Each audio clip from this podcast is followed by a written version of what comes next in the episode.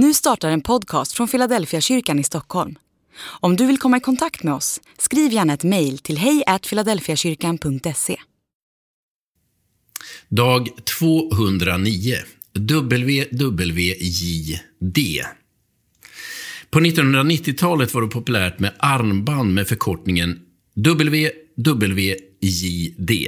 What would Jesus do? Vad skulle Jesus göra? Jag köpte aldrig ett sånt armband och jag har alltid känt mig lite undrande inför frågan. Syft, syftet med armbandet och med frågan var ju att jag skulle överväga mina beslut i olika situationer och sen försöka göra som jag trodde att Jesus skulle ha gjort. Vad menar Jesus när han säger ”följ mig”? Är det som att följa John? Alltså att försöka imitera allt vad Jesus gör in i minsta detalj.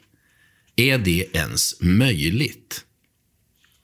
Även om Jesus var människa precis som vi, så var han också Gud. Och det är inte vi. På vissa punkter kan jag försöka göra det Jesus gjorde, men på andra punkter känns det svårare.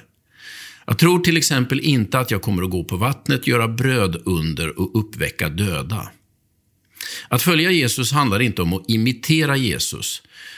Snarare handlar det om att lyssna till honom och låta sig formas av honom. Frågan i olika situationer då du behöver vägledning är inte vad skulle Jesus göra, utan vad vill Jesus säga?